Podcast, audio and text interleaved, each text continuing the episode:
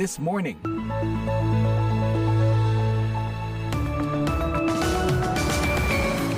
Halo pendengar, selamat berakhir pekan dan juga Dirgahayu Republik Indonesia. Karena di Amerika hari ini tanggal 17 Agustus. Kami memperingati hari ulang tahun kemerdekaan RI di Wisma Indonesia, kediaman resmi Duta Besar RI untuk Amerika. Apa kabar pendengar? Senang sekali berjumpa lagi dengan Anda pagi ini. Saya Puspita Sariwati telah menyusun acara VOA This Morning bersama produser Bani Rahayu. Sejumlah laporan dan info menarik kami sajikan. Di antaranya, Trump mengatakan dakwaan terhadap dirinya meningkatkan dukungan. Namun, jajak pendapat menunjukkan kerentanan. We need one more indictment to close out this election. One more indictment Peringatan Hari Ulang Tahun Kemerdekaan Republik Indonesia ke-78 berlangsung di ibu kota AS, Washington DC. Terharu, uh, lebih sedih karena nggak bisa upacara di Indonesia, tapi senengnya bisa merasakan upacara di USA. Jangan lupa pendengar, nanti ikuti pula bincang-bincang mengenai proses pendaftaran perguruan tinggi di Amerika yang panjang dan penuh interaksi. Siaran ini juga dapat Anda ikuti secara live streaming di www.voaindonesia.com atau simak dalam podcast VOA This Morning episode hari ini di podcast langganan Anda. Kini kami sampaikan Warta Berita Dunia. Gambar kartun politik sebuah tradisi yang telah lama dijunjung tinggi di Kashmir yang berada di bawah pemerintah India telah kehilangan daya tariknya dan sebagian besar relevansinya di wilayah itu karena pengawasan pemerintah yang meningkat dan penyensoran oleh para penerbit seorang kartunis populer yang gambarnya selama bertahun-tahun menghiasi sebuah surat kabar lokal mengatakan ia tidak mempraktikkan jurnalisme selama lebih dari empat tahun karena merasa tidak bisa lagi mencurahkan pendapat politiknya seperti yang ia inginkan. Kartunis berfungsi sebagai komentar atas berita, tetapi ketika berita itu sendiri menghilang dari koran, kartun kehilangan arti pentingnya, kata pelukis kartun yang meminta agar namanya tidak disebutkan karena takut ada pembalasan. Saya berhenti karena saya tidak memiliki kebebasan lagi, katanya selama tiga perang antara India dan Pakistan atas sengketa Kashmir dan puluhan tahun gerakan anti-India, kartunis di wilayah itu menggunakan keahlian mereka untuk mengungkap pelanggaran hak asasi manusia, kegagalan pemerintah, dan perjuangan sosial politik kita ke Amerika, jajak pendapat menunjukkan lebih dari 54 persen orang Amerika tidak terkesan dengan kinerja Presiden Joe Biden dan bahkan pendukung Partai Demokrat sendiri menyatakan keprihatinan tentang usia presiden. Namun Biden tidak mempunyai penantang yang berarti dari Partai Demokrat untuk dipilih sehingga membuatnya hampir pasti akan menjadi calon utama dari Partai Demokrat. Beberapa anggota Partai Demokrat di Arlington, Virginia, mengamati Joe Biden yang berusia 80 tahun itu menjadi calon partainya untuk pemilu presiden 2024. Melissa, seorang konsultan mengatakan, I think a lot of people are hoping for other, you know, people to... Saya pikir banyak orang mengharapkan orang lain yang berdiri dan dipromosikan oleh partai, katanya. Sedangkan Yalen Rodriguez, asisten pendidikan khusus, berkomentar, I think a challenge is, is healthy, you know. Sometimes that's what people need to like elevate. Saya their- pikir tantangan itu sehat. Kita tahu, terkadang itulah yang dibetulkan, dibutuhkan orang untuk meningkatkan kinerjanya, ujarnya. Sejauh ini, hanya ada dua kandidat pinggiran yang siap menantang presiden petahana itu pada pemilu pendahulu. Berberger, Profesor Ilmu Politik di Swarthmore College, mengatakan, the only way that we might actually see a viable candidate emerge other than Biden Satu-satunya cara agar kita benar-benar melihat ada kandidat yang layak muncul selain Biden, yaitu jika Biden benar-benar memutuskan untuk mundur, katanya. Itu karena mengalahkan presiden petahana untuk nominasi partai itu sulit, kata para sejarawan.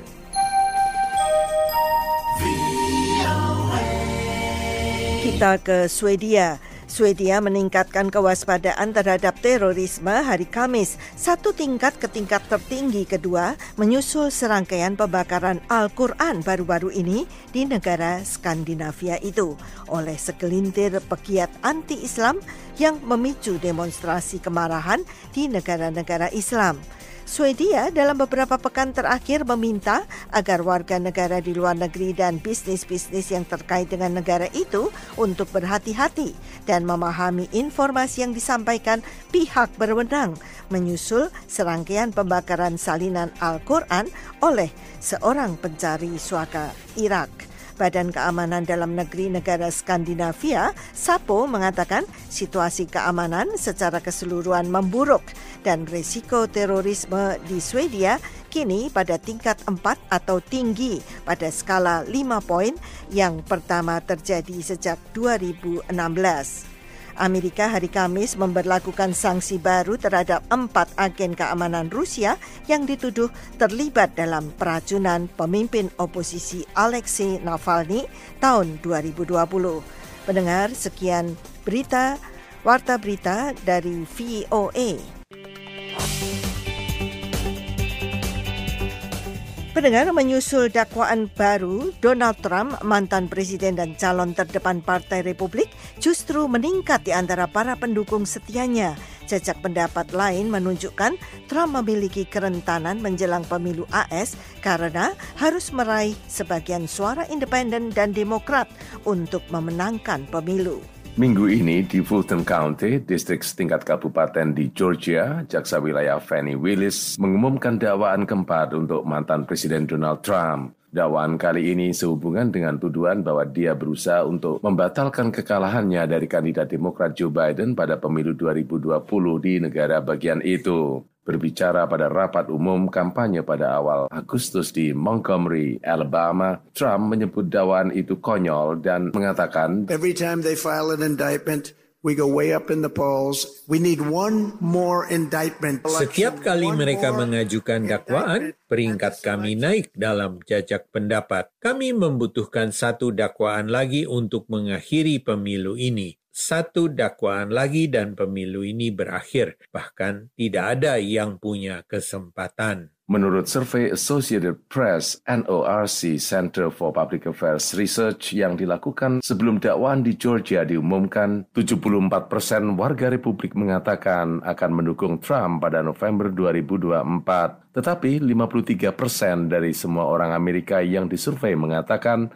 mereka pasti tidak akan mendukungnya dan 11 persen lainnya mengatakan mereka mungkin tidak akan mendukungnya pada November 2024. Trump juga menghadapi dakwaan di Washington, New York, dan Florida. Anthony Michael Chris adalah asisten profesor hukum di Universitas Negeri Georgia. Dia berbicara kepada VOA melalui Zoom. But I would not be surprised if we see Donald Trump take advantage of uh, this process. Tetapi saya tidak terkejut jika kita melihat Donald Trump mengambil keuntungan dari proses ini dan mencoba menggunakannya untuk mendapatkan tambahan liputan media karena dalam banyak hal kampanye kepresidenannya pada saat ini adalah sidang di Fulton County, sidang di Washington DC, dan juga sidang-sidang sidang lainnya di New York dan Florida. Pakar lain mengatakan kepada VOA dia prihatin bahwa sebagian besar pemimpin Republik telah gagal mengutuk Trump dan menjauhkan diri darinya.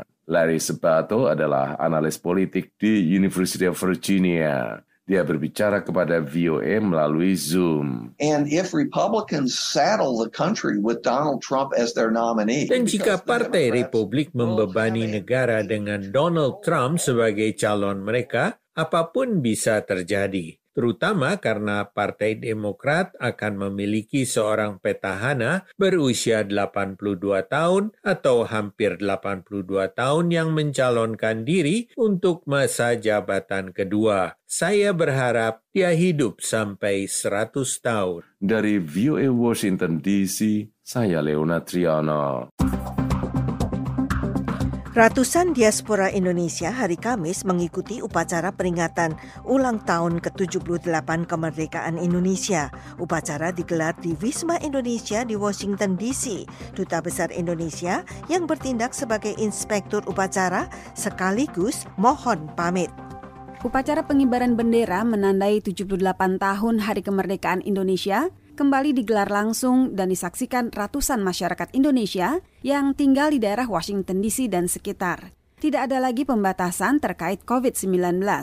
Suhu udara pagi yang panas tidak menyurutkan semangat peserta upacara.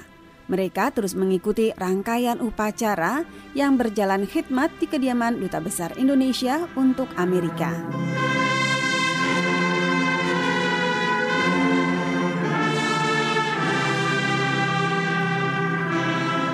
Fokus perhatian masyarakat yang hadir tahun ini tertuju pada 31 pemuda-pemudi diaspora Indonesia yang bertugas menjadi pasukan pengibar bendera. Mereka adalah siswa dan siswi berdarah Indonesia yang duduk di tingkat sekolah menengah atas di daerah Washington DC. Salah seorang dari mereka adalah Kaisan Anthony, usia 16 tahun, yang bertugas memegang bendera yang akan dikibarkan. Walaupun sudah berlatih selama tiga minggu, Kaisan mengaku nervous. To hold the flag, I was very, I was very proud to do it, and uh, I think I, I think I did pretty good. Alhamdulillah. Kaisan, siswa kelas 2 SMA, mengaku bangga menjadi pemegang bendera merah putih. Menurutnya, ia telah melakukannya dengan cukup baik. Alhamdulillah. Meskipun lahir dan besar di Amerika, Kaisan mengaku senang bisa mewakili Indonesia dan membuat bangga orang tua.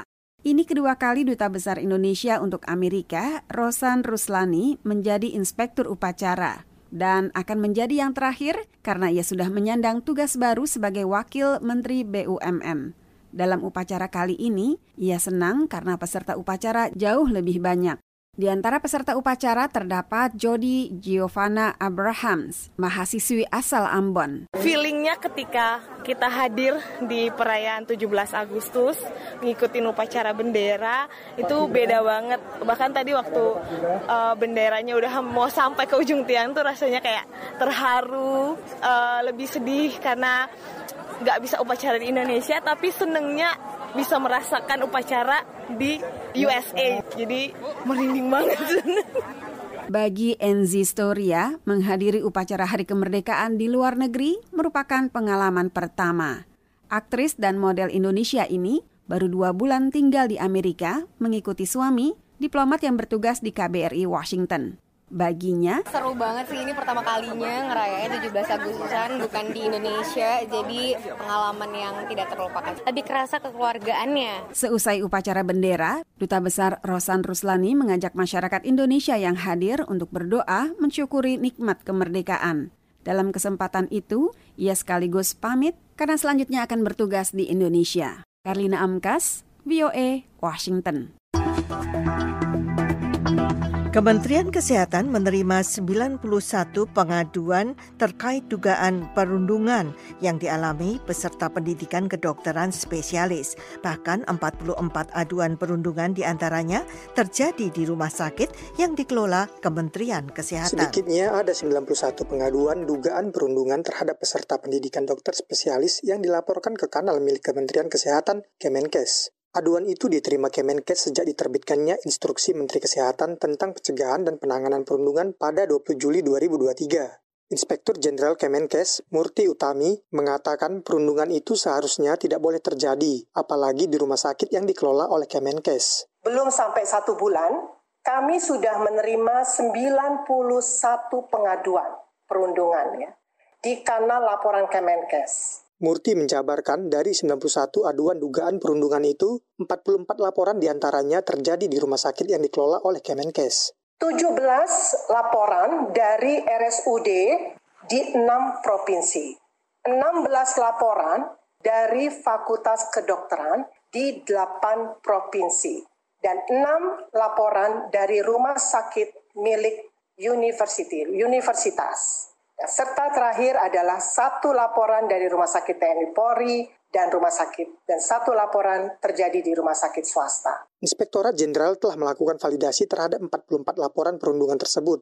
Hasilnya, sebanyak 12 laporan perundungan terjadi di tiga rumah sakit, yakni RSUPN Cipto Mangunkusumo di Jakarta, RSUP Hasan Sadikin di Bandung, dan RSUP Haji Adam Malik di Medan. Sementara 32 laporan yang terjadi di 8 rumah sakit di lingkungan Kementerian Kesehatan sedang dalam proses investigasi. Murti mengungkapkan mayoritas aduan perundungan yang diterima oleh Kemenkes berupa permintaan biaya di luar kebutuhan pendidikan, pelayanan, dan penelitian yang tidak seharusnya dilakukan oleh peserta pendidikan dokter spesialis. Dan tugas-tugas lain termasuk adanya jaga, waktu jaga yang berlebihan di luar batas wajar. Direktur Jenderal Pelayanan Kesehatan Kemenkes, Azhar Jaya, mengatakan teguran tertulis telah diberikan kepada pimpinan tiga rumah sakit yang diduga menjadi tempat perundungan terhadap peserta pendidikan dokter spesialis. Ya, saya berharap tidak ada lagi gitu ya. Namun kalau masih ada juga, kami akan serius uh, dalam tanda kutip melakukan penindakan-penindakan untuk menghilangkan ini. Uh, saya juga meminta kepada pimpinan rumah sakit uh, khususnya di lingkungan Kementerian Kesehatan untuk menjalankan ya dalam tanda kutip uh, arahan-arahan hasil investigasi. Anugerah Handriansyah melaporkan untuk VOA Washington.